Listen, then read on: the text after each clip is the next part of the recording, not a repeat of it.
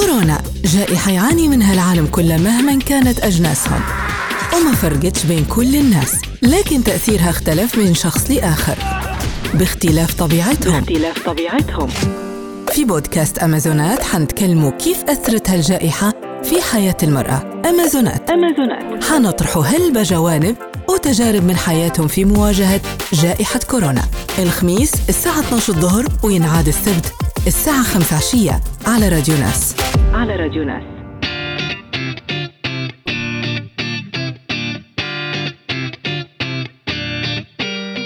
أهلا بكم في بودكاست جديد من أمازونات. في بودكاست أمازونات اليوم حنتكلموا مع نساء حاربنا الكورونا بالفن. فنانات استمروا في ممارسة شغفهم بالفن رغم الظروف اللي فرضها انتشار وباء كورونا ورغم الحظر والإجراءات الاحترازية اللي كانت سبب في توقف المحافل والفعاليات الفنية في كل العالم فكيف قضوا الفنانات وقتهم خلال هالجائحة؟ وكيف تغلبوا على الظروف اللي فرضها وباء كورونا للاستمرار في ممارسة شغفهم بالفن؟ وكيف أثرت هالجائحة برأيهم على الحركة الفنية والثقافية في ليبيا؟ وقداش مهم وجود الفن في ظروف زي هذه على المجتمعات وبالأخص على المجتمع الليبي. كل هذا حنعرفوه مع ضيفاتنا من الفنانات اليوم بس بعد ما نسمعوا هذا التقرير ونرجعوا من جديد. جائحة كورونا أثرت على كل مناحي الحياة أو بالأحرى خلونا نقولوا في بعض الفترات خلال فترة انتشار جائحة كورونا توقفت الحياة لا سيما في المناشط والفعاليات وحركة المجتمع المدني اللي توقفت بشكل كامل والتغت العديد من النشاطات من بداية هذا العام 2020 ولكن زي إن العديد من الجوانب اللي اكتشفنا إن نقدروا فيها نتحايلوا على الظروف ونبتكروا بديل لعودة هذه النشاطات الجانب الفني كان من أبرز هذه الجوانب. فبعدما تخطينا هلبة مراحل لجائحة كورونا قامت بعض المؤسسات الثقافية والفنية في المجتمع الليبي بخطوة لإعادة إحياء مثل هكذا فعاليات فنية في ظل إجراءات احترازية تتماشى مع الظرف المفروض علينا. مثلا قامت مؤسسة ديراز للفنون بخطوة إقامة ورش عمل في أماكن عامة مفتوحة زي الكورنيش وقصر الملك اللي من خلالها قدمت العديد من النشاطات كأسلوب جديد ما كناش متعودين عليه من قبل بشكل كبير. كذلك المعارض الرقمية هي خطوة جديدة علينا فيما يخص النشاطات الثقافية والفنية. فشفنا دار الفنون في طرابلس تعلن عن إقامة معرض رقمي افتراضي يقدر من خلاله الشخص زيارة المعرض وهو قاعد في مكانه من خلال رابط إلكتروني يخليك تتجول في أروقة المعرض وكأنك فعلا في المكان وغيرها من المعارض. وكان لهذه المعارض تأثير خاص في ظل جائحة كورونا فقدمت رسالة فنية جميلة من خلال المواضيع المطروحة في العروض واللوحات الفنية. مثلا مؤسسة ديراز خصصت إحدى المعارض الرقمية لطرح موضوع العنف القائم على النوع الاجتماعي لمواكبة حدث إحياء 16 يوم المخصصة لهذا الموضوع في كل جميع أنحاء العالم. وآخرها ربما معرض إسكندر اللي أقيم بدار إسكندر للفنون وكان يحاكي أضرار جائحة كورونا من خلال الأعمال الفنية اللي قدمت فيه. بطبيعة الحال كانت لمشاركة المرأة الفنانة دور كبير لإقامة مثل هكذا معارض وإعادة إحياء الحركة الفنية في ليبيا. فكيف كانت هذه التجربة على ضيفاتنا في بودكاست اليوم كفنانات وشن رأيهم في الطرح الجديد اللي فرضاته كورونا على الأعمال الفنية وكيف ممكن نستغلوه إيجابيا؟ بالإضافة لحديثنا معهم عن الصعوبات الاستثنائية اللي واجهوها خلال مشاركتهم في هذه الفعاليات. كل هذا أكيد حنعرفوه اليوم في بودكاست أمازونات.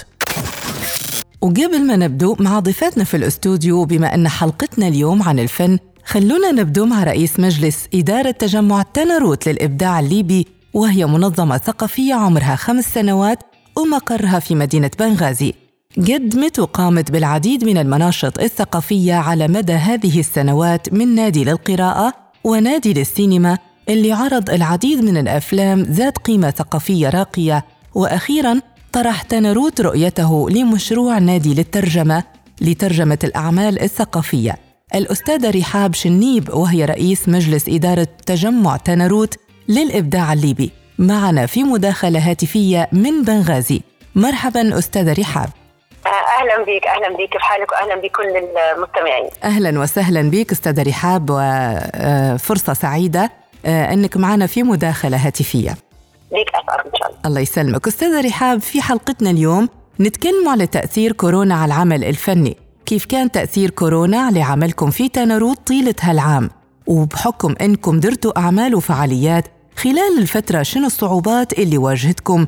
وكيف قدرتوا تتغلبوا عليها؟ آه، طبعا آه، كورونا أكيد آه، توقفك عن الذهاب إلى مقرك عن العمل الدائم المتواصل اثر في في الأول اثر كثير جدا في أعضاء التنورات المتعودين إنهم يوميا يكونوا متواجدين متعودين انه يكون عندنا نشاط متواصل. لكن حاولنا نتغلبوا عليه انه يكون عندنا إقامة المناقشات الكتب والأفلام تكون عن طريق النت. آه ثم بعد ما بدأت ترجع الحياة شوية حاولنا ننصف بعض النشاطات لكن برضو ما زال عندنا بعض الأعضاء ما قدروش يجوا في ناس ما زالت متخوفة من كورونا خايفين من التواصل. آه أيضا إنك إنك تحاول حتى في مكانك يكون في آه استخدام للكمامات استخدام للكحول في تباعد اجتماعي حتى العدد تكون أنت ملتزم به تخاف أقل لازم يكون أقل. آه لكن الجميل إن نحن حاولنا نشتغلوا نضع خطة أخرى أن يكون عندنا شغل آه على النت. يعني الشباب حاليا يشتغلوا انه يكون عندنا موقع التناروت على النت؟ جميل. يكون في حسابات نشتغلوا عليه. ممكن عندنا فكرة أن حنطرحوا آه شغل بودكاست. آه آه هذين هن الأفكار الجديدة اللي نحاول نشتغلوا عليها إن شاء الله. باش نتغلبوا على انه ما يكونش لو في حظر تجول يكون عندك انت صحيح. شغل آخر على النت موجود اونلاين صحيح. متواجد في اونلاين إن شاء الله. صحيح إن شاء الله. بشكل عام أستاذة رحاب هل تشوفي أن مجتمعنا الليبي أصبح متقبل لوجود المؤسسات الفنية وهذه الأعمال أم أن ما زال في سلبيات في مجتمعنا تعيق تقدم الحركة الثقافية والفنية فيه؟ آه، هو حنقولوا إن نحن ما زال في سلبيات مع إن تجد في ناس ما زالت بدأت تتقبل ناس تقتنع. لكن للأسف ما زال في رؤية آه، إن الناس ما تقتنعش إن شابة طالعة في يدها جيتار أو في يدها عود أو في يدها لوحة. ما زال في ما زلنا بحاجة إلى نكثفوا جهودنا بحاجة إلى يكون عدد المنظمات أكثر باش الرؤيه تبان أكثر إنك أنت تكون منظمات بسيطة في أماكن صحيح. محدودة آه تأثيرها حيكون ضعيف. لكن المشكلة إن نحن غياب الدولة أنا ديما نقول فيها إن المراكز الثقافية اللي في الدولة شغلها ضعيف هي اللي المفروض تكون متواجدة في كل حي. صحيح. حيكون شغلها وتأثيرها أكثر. يعني يعني تكاثف الجهود حسب رأيك. آه لازم آه لازم يتكاتف جهود لازم يكون في كل حي موجود في مركز ثقافي لازم يكون في جمعية ثقافية كل ما يكون كل حي موجود فيه كل ما تم الرؤية أكثر جميل. لكن لما يكون محصور في مناطق معينة تأثيرك حيكون أقل صحيح كيف كانت أستاذة رحاب الحركة الثقافية خلال فترة كورونا في بنغازي؟ أه الحقيقة أن في أه في نشاطات أه قامت بها عدة آه، جمعيات. آه، ممكن في الفترة الأولى في فترة حظر التجول كانت ضعيفة شوية. آه، لكن أنا متفائلة خير يعني متفائلة خير في حاليا في بعض النشاطات في نادي السينما الليبي قائم حاليا بثلاث أيام للفنان المخرج الله يرحمه محمد مخلوف ثلاث أيام من السينما الليبيه يعني في شغل إن شاء الله موجود. موجود أصدقاء اللغة العربية حيشتغلوا حاجة يوم اللغة العربية الأسبوع القادم. متفائلين خير إن في حركة هي ممكن ما نقولوش كبيرة بس بس نحن ماسكين فيها وفرحانين بها ونقولوا للأفضل إن شاء الله. إن شاء الله. أستاذة رحاب لو حابة تضيفي أي كلمة قبل نهاية المداخلة؟ طبعا آه انت تحدثتي إن الموضوع المرأة وعلاقتها بالفن. أنا دائما أيوة. نشد إن المرأة كل ما تكون هي متواجدة في المجتمع كل ما تعطي صحيح. وكل ما تشتغل على شغل الثقافة حيتاثر المجتمع أكثر. صحيح. آه حيكون له دور المرأة يعني نتمنى من كل الشابات اللي يعرفوا إن الفعل الثقافي والفعل الفني له تأثير على المجتمع، الأمهات اللي يهتمن بأبنائهن إن الدراسة التعليم فقط ما يبنيش الإنسان. صحيح. تعليم الثقافة والفن وفي كل مجالات الإبداع مهم جدا. جميل جدا. شكرا أستاذة رحاب شنيب رئيس مجلس إدارة تجمع تناروت للإبداع الليبي. شكرا جزيلا لك. عفوا عفوا. شكرا في أمان الله. أما توا مستمعينا خلونا نستقبل معنا داخل الأستوديو الفنانة التشكيلية مريم الصيد وهي عضو هيئة تدريس بكلية الفنون جامعة طرابلس. أهلا بك أستاذة مريم. أهلا وسهلا بك أيضا. أستاذة مريم أنت ابنة لأب ليبي وأم روسية ووالدتك كانت عازفة بيانو. إلى أي مدى تأثرت بهذا المحيط وساهم في خياراتك في المستقبل للتوجه إلى مجال دراسة يتعلق بالفن كطالبة في كلية الفنون؟ ومن ثم العمل كعضو هيئة تدريس فيها. آه، أكيد تأثرت هلبة يعني بخصوص آه، يعني ماما يعني عزفت بيانو كانت ديما يعني في الحوش يعني معزوفات موزارت وبيتهوفن جميل. تعزف. آه، وكانت تحب حتى هي ترسم وكانت تخيط يعني كل الفنون ما يتعلق بالتصاميم وهيك كان كان كلها قدامي من ناس صغيرة يعني نشوف فيها. فحسيت نفسي أنني ننتمي للشيء هذا. يعني حسيت أنني نبي نتعمق أكثر يعني في مع انها كانت جزء من حياتي في السن ما بين 13 و 17 عام يعني اتجهت يعني في التصميم تصميم ازياء يعني كفاشن ديزاين آه. جميل. وبعدين قلت لا يعني لازم نكمل يعني يعني نطور من نفسي ونخش لكلية الفنون. بس بعدين الاتجاه تغير. يعني الوالد كان معترض انه كان معتبرها هواية وكان فرحان يعني بيا هلبة. بس قال لي خليها هواية. وخشي مجال علمي كشغل تشتغلي فيه. خشيت كملت معهد قسم كيمياء بامتياز وخشيت بعدها كلية فن... العلوم قسم كيمياء. قريت سنتين بس ما لقيتش نفسي. صعب. صعب. ما مش الهواية. تغلبت. أيوة الهواية تغلبت. وانتصرت وأرضي بأمر الواقع. ودخلني لكلية الفنون قال لي يلا انطلقي يعني. كنت مصممة. بالضبط. طيب أستاذة مريم برأيك هل مجتمعنا الليبي يقدر قيمة الفن بأشكاله المختلفة؟ وهل يحظى الفنان الليبي بالتقدير في مجتمعنا؟ نوعا ما نقدر نقول لا. كيف يعني؟ تقدري تفسري لنا. آه يعني ما فيش هو كمجال يعني اللي نحن ما فيش تطور يعني ممكن يتقبل المجتمع انه واحد يطور من نفسه. ويلقى نفسه انه هو كمجال فني أو كاني مثلا فنانة تشكيلية نقدر نطور من نفسه. لا في هلبة عراقيل تصير. تقبل المجتمع تقبل يعني. المجتمع بالضبط. يعني كيف؟ ما فيش ما في أنت تشوفي إن الفنان غير مرحب به يعني. ومش متقبلين زي مثلا أي آه، مهنة أخرى؟ ممكن صح. كمجتمعنا إحنا في البيئة اللي إحنا عايشين فيها يعني لما يقول لك مثلا هذه دكتورة هذه مهندسة يعني يفرحوا فنانه تشكيلية. شنو يعني فنانه تشكيلية؟ بس في فئة معينة من المثقفين يعني طبعا اللي يعرفوا قيمة الفنان التشكيلي. يعني طيب. خلال زياراتك لروسيا كونها موطن والدتك أكيد متابعة للحركة الفنية والثقافية في روسيا وأكيد في اختلاف كبير بينها وبين الوضع عندنا في ليبيا. أحكي لنا برأيك عن الفرق اللي تلاحظي فيه. فرق طبعا كبير يعني في مجال يعني كتاريخ آه، عريق أو تراث آه، في موسكو فني. يعني انولدت فيها يعني كانت قدامي إيه فن يعني من المباني من المتاحف من المعارض اللي يعني زرتها يعني ونحاول والموسيقى والأوبرا والباليه والرسم أيضا جميع أشكال الفنون بالضبط إيه فنحاول يعني تو يعني فعلا يعني لازم نسافر كل سنة مرة أو مرتين نكون جميل. غادي باش نتابع نتابع يعني كمعارض لو في معارض أو متاحف يعني على قد ما مشيت ما زال ما كملتهمش يعني. جميل. يعني مسارح ومعارض. مسارح ومعارض ومتاحف يعني آه، آخر مرة يعني حتى زرت مدينة سان بطرسبورغ يعني متحف الأرميتاج. لحد الآن ما كملتاش يعني. جميل جدا. يعني ما شاء الله يعني فرق كبير يعني بين صح صحيح. كفنانة تشكيلية هل برأيك المرأة في هذا المجال تواجه في صعوبات أكثر من الرجل؟ وشن هي الصعوبات اللي تواجه فيكم كفنانات في هذا المجال؟ آه إيه الرجل ممكن ليه الصلاحية أكثر إنه هو يتحرك آه لو في في ليبيا. في ليبيا أو لو في دعوات برا ممكن على طول بأي بكل أريحية يقدر يسافر. لكن إحنا طبعا مرتبطين بالعائلة. يعني لازم نشوفوا هل هل يعطونا تصريح للسفر أو لا. بس الحق الحمد لله يعني زوجي يعني مشجعني. الحمد يعني لله. لازم إنه ذكرى يعني يعني فعلا يعني هو لولا هو يعني أنا ما كنتش توا إنه ممكن تحية ليه؟ أكيد لأنه هو بشكرا لك. إيه، يعني فعلا السنة اللي فاتت في 2019 آه، كان في مهرجان قرطاج مع بيت اسكندر يعني. جميل. إيه، فكنت معاهم يعني سافرت و10 أيام كان مهرجان يعني في قمة الروعة. جميل يعني جميل جدا. طيب خلينا نحكوا على فترة جائحة كورونا. كيف أثرت هالجائحة على حياتك أنت؟ آه نقدر نقول إنها أثرت علي ايجابيا.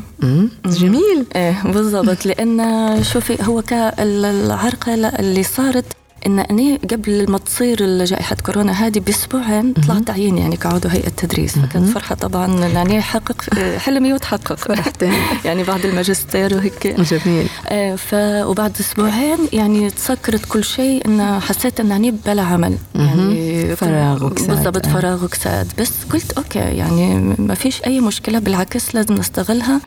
في الحوش عندي الواناتي عندي جميل. خدات آه، كل شيء يعني متمكن يعني. درت مرسم صغيرون يعني في الحوش وقعمت نرسم. قلت لي أي ظرف هي جائحة كورونا حتنتهي سواء كانت شهر شهرين صحيح. يعني في مثل يقول أن نوقد شمعة خير من أن نلعن الظلام بالضبط. فأنت مثلتي هالمثل هذا أيوه بكل أريحية قعمت صحيح. وتقبلت انني نقعمز في الحوش لأن واحد لما متعود إنه هو على الحركة يخدم صحيح. يعني ما بين الأماكن أنا كنت في المعهد متعاون وما بين حسيت تستغلي الوقت يعني نستغل الوقت قعمزت وفي خلال ثلاثة شهور يعني درت إنجاز يعني نعتبر آه، أرسمتي لوحات كم لوحة سبعة كم؟ لوحات. الله يبارك جميل جدا من ضمنهم كانت هم المقاسات متفاوتة ما بين متر وعشرين والسبعين في السبعين أو جميل. متر في التسعين واللوحة الأخيرة اشتغلتها كبيرة يعني كانت متر ونص في المتر يعني هذا في حد ذاته إنجاز إنجاز. كبير أنت نحييك على الإنجاز. شكرا. رغم الظروف اللي فرضتها جائحة كورونا لكن ما توقفتيش عن ممارسة نشاطاتك الفنية زي ما تو تكلمتي وكان لك العديد من المشاركات في فعاليات فنية. أحكي لنا عن هالمشاركات.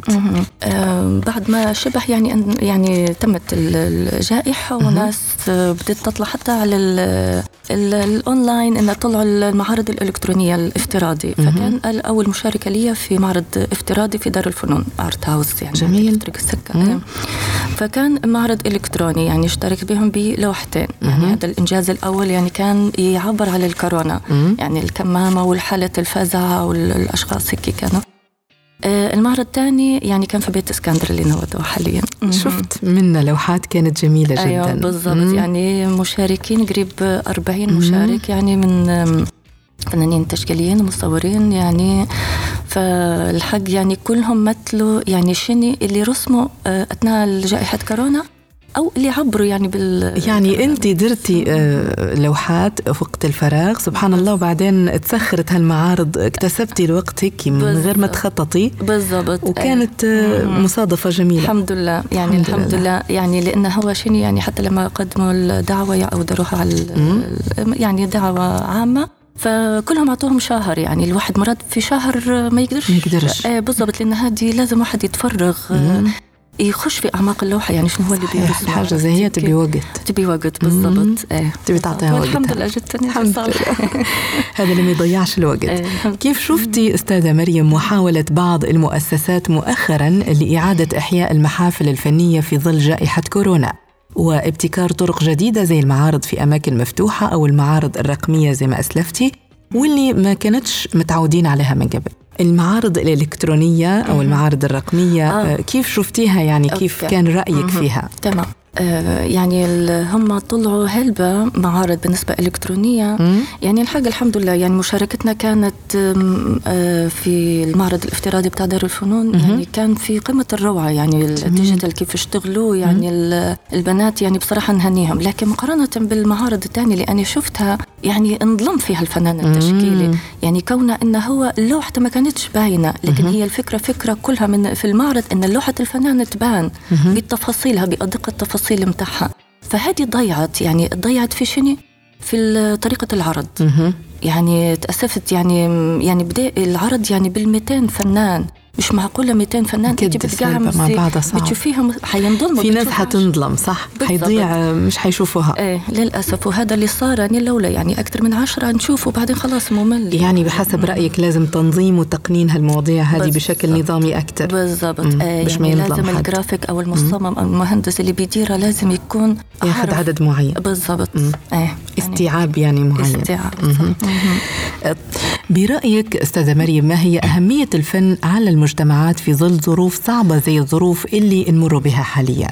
آه، أهميته والله أهميته كبيرة. نعتبر أنه هو يبين للعالم. هي الجائحة كورونا حتمشي بس شن هو اللي بيقعد؟ ال- الأثر ال- من اللوحات من ال- النشاطات اللي داروها هي اللي بتقعد هي اللي بتقعد في الذاكرة صحيح. يعني عرفتي؟ يعني صحيح. طيب كعضو هيئة تدريس بكلية الفنون وإحنا نعرف أن العديد من الكليات تشتكي من أن المنهج لا يتوافق مع الواقع العملي بعد ما يتخرج الطالب. فهل هذا أيضا ينطبق على كلية الفنون عندنا في ليبيا؟ وشن الأشياء اللي برأيك كفنانة مارستي المهنة عمليا لازم يتوفر للطالب باش يتخرج وهو جاهز للعمل. سؤال مهم جدا. وعميق. نعتبره عميق. مرات صعب واحد يغوص فيه لكن هو سؤال مهم. فعلا الطلبة يعانوا. وإحنا كلنا يعني المناهج يعني. المناهج. آه علاش يعني أنا برأيي أن ال- المناهج لازم تتطور يعني في جميع أنحاء العالم بداية الفنون في تطورات تصير في في الدول. التقنية في ال- إيه، في الدول آه، إيه، متقدمة في المجالات، إيه. بالضبط بالضبط آه. آه انها بتصير في تقدم في كل شيء يعني في التقنية في طريقة ال- ال- العرض أو الأسلوب الفنان كيف بيكون أو التصميم ال graphic design وال interior design هذا مهمات. حتى هو في التطور البرامج نفسها تطورت يعني بتاع صحيح. 2016 مش زي 18 مش زي تو 20 صح. يعني هذه كلها هو أصبح كل شهر يفرق على شهر مش كل سنة. بالضبط. آه، فهذه يعني ضروري تكون من المنهجية إن في تطور يعني حتى في البرامج إن update يعني تجديد. كل مرة شوي. أيوه. إيه. أنا توا يعني الحق ممكن عطيت سمسترين في ال- الكلية عطيت في المعهد ست سنين. آه فكل semester نحاول أنني نطور من نفسي. جميل. يعني ال semester اللي فات يعني حتى طلبة مثلا لو قعدت لهم أو هيك تقول لي لا أنا عودتها يعني عادي نجي مثلا نقدم لك نفس الأ- الأعمال نقولها اللي خديتيه السنة ال semester اللي فات مش حيكون نفسه يعني آه، يعني. حتغيري في المنهج. نغير في المنهج يعني لدرجة هي ما ملتش. قالت. أنا استفدت يعني. فأنا هذه يعني حاجة الوحيدة رسالتي أنني نحاول الطلبة يستفيدوا بقدر الإمكان. حاجة أني نتعلمها نحاول أنني طول نعطيها المعلومة للطالب مش مجرد أن أنا أسرار في اللي يقول لك أسرار مهنة ما تعطيهاش. يعني هو لكن هي معلم. مهنتنا. هذه. هذه هي. إيه، بالضبط. مهنتكم. علمية نعتبر. بالضبط. هذا اللي يحب شغله. بالضبط الحمد طيب آه، كفنانة تشكيلية شنو اللي محتاجة الفن التشكيلي في ليبيا ليكون بمستوى أفضل؟ شو اللي يحتاج؟ يحتاج الفن التشكيلي أو الفنان التشكيلي بصفة عامة لدعم. معنوي دعم مادي دعم من جميع النواحي. لأن توزيع المعرض لما واحد بيدير معرض أنا مثلا لو بندير معرض شخصي نبي دعم نبي حد يدعمني مش معقول. أنا إمكانياتي مرات شنو بتكاليف. بتكاليف إيه، ما تسدنيش. وأكيد أنا لما بنطلع نفسي يعني كمعرض لو بندير معرض شخصي آه بندير أكيد تعريف بنفسي. بيكون في poster بيكون في كتالوج بيكون في الكتالوج. بالأعمال وفي مطوية. هذا كله بيكلف يعني ك graphic design يعني ك- فهذه ضروري ما تكون في دعم. وللأسف الدعم يعني ما فيش أي جهة ممكن تقدر آه، تتبنى هالمواضيع. تتبنى هالمواضيع بالضبط صحيح. للأسف. للأسف آه، الفنانة التشكيلية الأستاذة مريم الصيد شكرا جزيلا لك العفو شكرا جزيلا لك. أيضا يا سارة. العفو. ومعنا داخل الاستوديو حاليا سندس كشاد. سندس انت خريجة كلية الفنون تخرجتي مؤخرا قبل أزمة كورونا. بفترة بسيطة احكي لنا كيف انعكست هالفترة من أزمة كورونا على حياتك آه، في البداية كانت آه، فترة آه، ما بعد التخرج كانت خديتها كعطلة. يعني تخرجت وخلاص فحاليا حنرقد كويس وهيك. لكن بعد ما تمت الفترة هذه خشيت في فترة إن كساد عرفت؟ فترة الكساد في أصبح في فراغ. إيه أنا شن حاليا بندير تاع بعد التخرج حسيتي. بقيمة الوقت؟ بالضبط. كل طالب في شو بيدير؟ حاليا شنو اللي المفروض أنا نديره؟ هل المفروض نخش كورسات؟ هل أنا المفروض نقدم على وظيفة فهذا كله كان مسكر قدامي لأن على بعد التخرج طول خشنا في فترة الحجر المضبوط كان. صحيح. فكانت آه، فترة هذه نوعا ما تقولي صعبة نفسيا.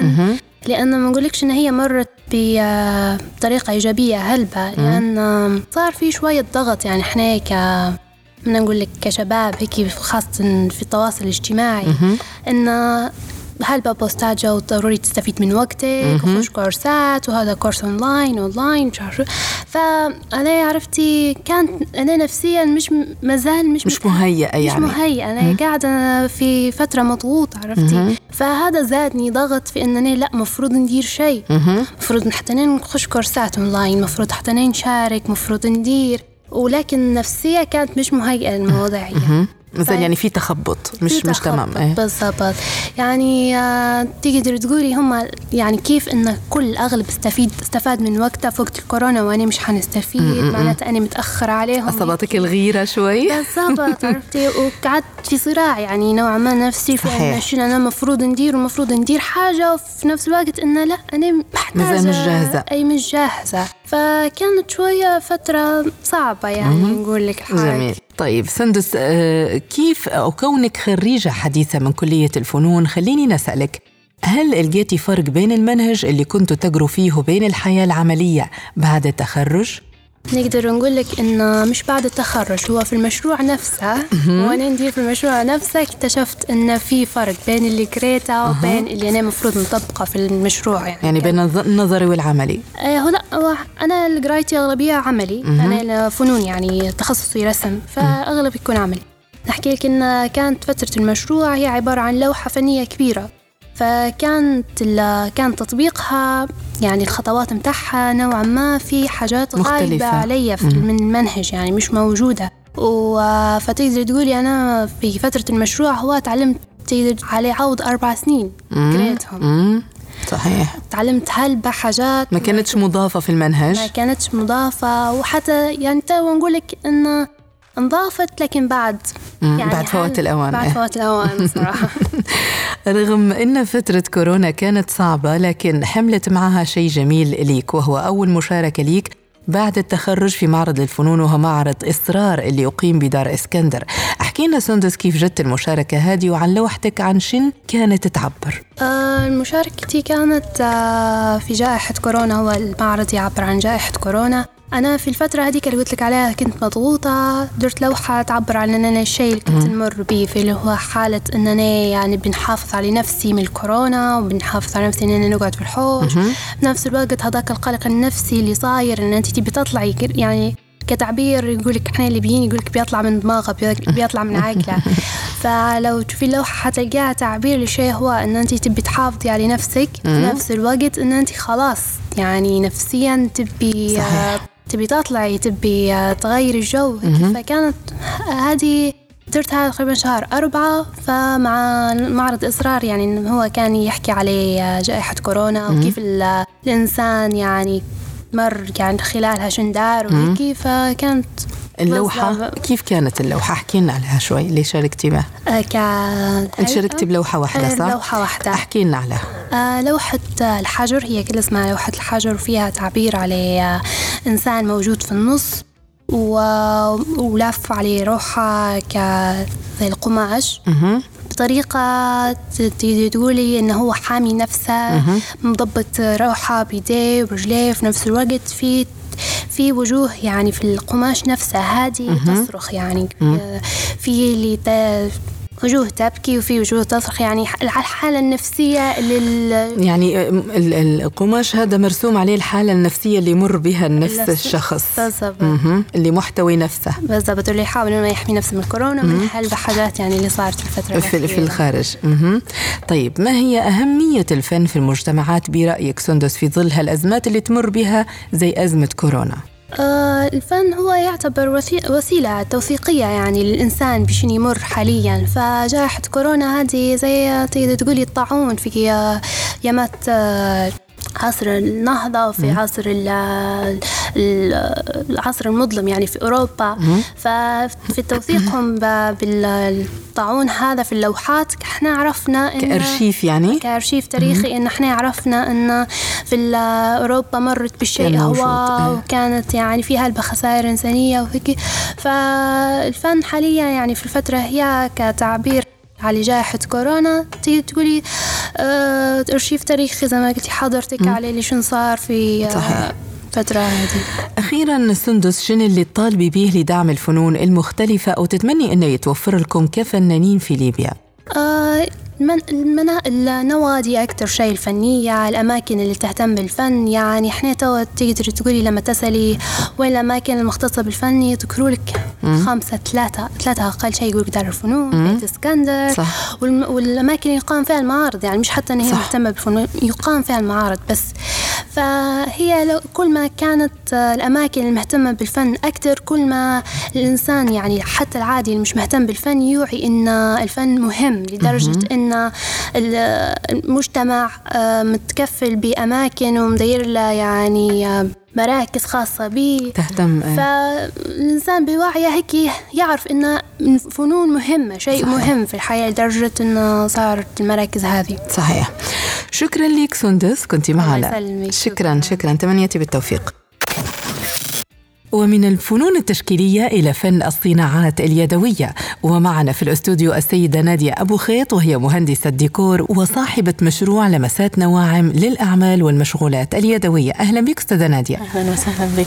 من تخصص جامعي كمهندسة ديكور شنو اللي خلاك تفكري تتوجهي لفن الصناعات اليدوية؟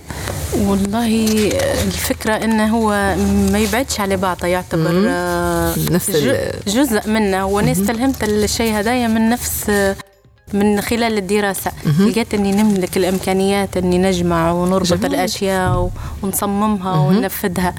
فخديتها كخط وحبيتها يعني جميل طيب أستاذة نادية قداش ساهم تخصصك كمهندسة ديكور في آه، إتقانك لفن الصناعات اليدوية؟ نقدر نقول بنسبة 100% مم. كيف البداية كانت من مادة اسمها مجسمات جميل آه، المادة هذه كانت فيها متعة كيف تديري مثلث كيف تديري مربع بأوراق وكيف تلصقي وكيف آه، تاخدي النسب وكيف تاخدي وسعة المساحات. بالك ووسعة شوي. بال إيه وتبدي تاخدي من السنتي تركبي فيه لي- لين توصلي تديري مجسم كامل كبير. فهي هذه حسيت بالمتعة. فيها جميل طيب أمتى بديتي بها الهواية وكيف تطورت معك إلى عمل وافتتاح مشروع أيضا؟ آه، في ال- 2004 تقريبا. في بداية كانت آه، علب وأكياس وحاجات زي هيك. لكن آه، كنت ديما نحط في قيمة للشيء كنت نحب نعطي قيمة للجمالية للشغل اللي نشتغل فيه. يعني هي كيسة لكن ممكن ندخل فيها ورد مجفف ممكن نعطيها قيمة. جميل. نحب نشتغل الشيء يكون فيه قيمة وهو هذا اللي يكون يعطي مميز يعني لا- مش مش كتميز كقيمة جمالية لما الإنسان يشبعها يحس إنه هو يشبح في حاجة لوحة حلوة. فنية. لوحة فنية أيوه طيب توقفتي فترة عن ممارسة هواية صناعة الأعمال اليدوية وقررتي العودة أثناء جائحة كورونا لافتتاح مشروع خاص بيك باسم لمسات نواعم كيف أخذتي هالقرار وشنو الصعوبات اللي واجهتك خاصة في فترة جائحة كورونا؟ آه القرار كان إنك لازم تشتغلي. يعني ساعات الطويلة اللي في الحوش هي لازم إيه. فقررت إني نرجع للهواية الأولى بعد بشكل الوظيفة. آخر. إيه لما تخلينا على الوظيفة لازم نرجع لهواياتنا وأساسنا. صحيح. إيه فمنها بديت فكرت شنو ممكن يكون الشيء اللي يسليني واللي نستفيد منه ماديا بحكم إن الحياة كلها ماشية صحيح. المشاريع الخاصة وماشية للتغير. يعني الوظيفة ما عادش صح ما عادش هي ما الأساس زي ما كنا بروحها. كما كنا عشر سنين التالي أو هيك فلازم يحتاج الأمر يحتاج الأمر فقررت إني نشتغل وحبي للون هو خلاني نختار ال ال الورد تحديدا نشتغل جميل. فيه الفترة هذه جميل يعني طيب إيه. الصعوبات اللي واجهتك خاصة في فترة كورونا شنو هي؟ الصعوبات ديما هي ديما المواد الخام مم. ديما يا إما شحيحة يا إما غالية أكثر من أها. اللازم يا أكتر. أسعارها يعني. أسعارها إيه. طيب أستاذة نادية هل برأيك في اهتمام في ليبيا بفن الصناعات اليدوية وشن اللي محتاجين للحفاظ على هالحرفة؟ اهتمام من الدولة لا لكن اهتمام من قبل الأفراد. في ناس إقبال. آه، في في في إقبال. تلقي ناس تقدر الشيء هو وتعطيه قيمته الجمالية والفنية غير المادية يعني. جميل. لأن ديما الأسعار ال- صحيح تختلف. اليدوية تختلف أسعارها. المفروض يكون لها قيمة لأن الشخص باش يزيد يبدع ويستمر. طبعا الحاجة المصنوعة باليد ديما لها ديما قيمة. لها قيمتها و... مهم. تقدري تكملي. وبالنسبة للإنسان أنا نشوف أنه ضروري هو الإنسان أنه هو اللي يسعى أنه يكون مثلا هيئة رق... آم، مش ديما الاعتماد على الدولة مهم. يعني لأن في النهاية شيء أنت تحبه ممكن 100 يحبوه 2000 3000 في مقابلهم ما يعني لهم. شيء فلازم الإنسان هو اللي يكونه وهو اللي مش يبدع. يبدع وهو يسعى إنه يحط له أرضية وإنه يستمر. ما يرجيش الدولة اللي هي تدير آه له. يعني يحاول إنه هو يطور هالموضوع هذا يطور هالموضوع وما يعتمدش على الدولة يدعم هو. الإنسان. يدعم يعني حتى ال- بالأفكار. الموا إيه يدعم بالأفكار ويدعم حتى بال إنه يعلم ناس إنه ي... أها. إيه إيه عنده أفكار مختلفة يعني مختلفة إيه. طيب نقدروا نعرفوا من هم زباينك أستاذة نادية وهل هم من فئة معينة أم من جميع فئات المجتمع؟ لا لا من جميع فئات المجتمع يعني بن الفترة اللي اشتغلت فيها هذه الأخيرة اشتروا مني العرسان جميل شروا هدوا آه، العائلات في بعضهم مثلا أشجار في صناعة أشجار في المولد النبوي فكان جميل. عليهم إقبال حلو الناس لبعضها. إيه الحبايب والأصحاب يعني كل جميل. الناس. جميل إيه. جدا. أستاذة نادية أبو خيط صاحبة مشروع لمسات نواعم للصناعات اليدوية. شكرا جزيلا لك. ماشي بارك الله فيك. وبهيك نكون وصلنا لنهاية بودكاست اليوم. إلى اللقاء. كورونا جائحة يعاني منها العالم كله مهما كانت أجناسهم. وما فرقتش بين كل الناس لكن تأثيرها اختلف من شخص لآخر. باختلاف طبيعتهم. باختلاف طبيعتهم. في بودكاست أمازونات حنتكلموا كيف أثرت هالجائحة في حياة المرأة. أمازونات. أمازونات. حنطرح هلبة جوانب وتجارب من حياتهم في مواجهة جائحة كورونا. الخميس الساعة 12 الظهر وينعاد السبت الساعة 5 عشية على راديو ناس. على راديو ناس.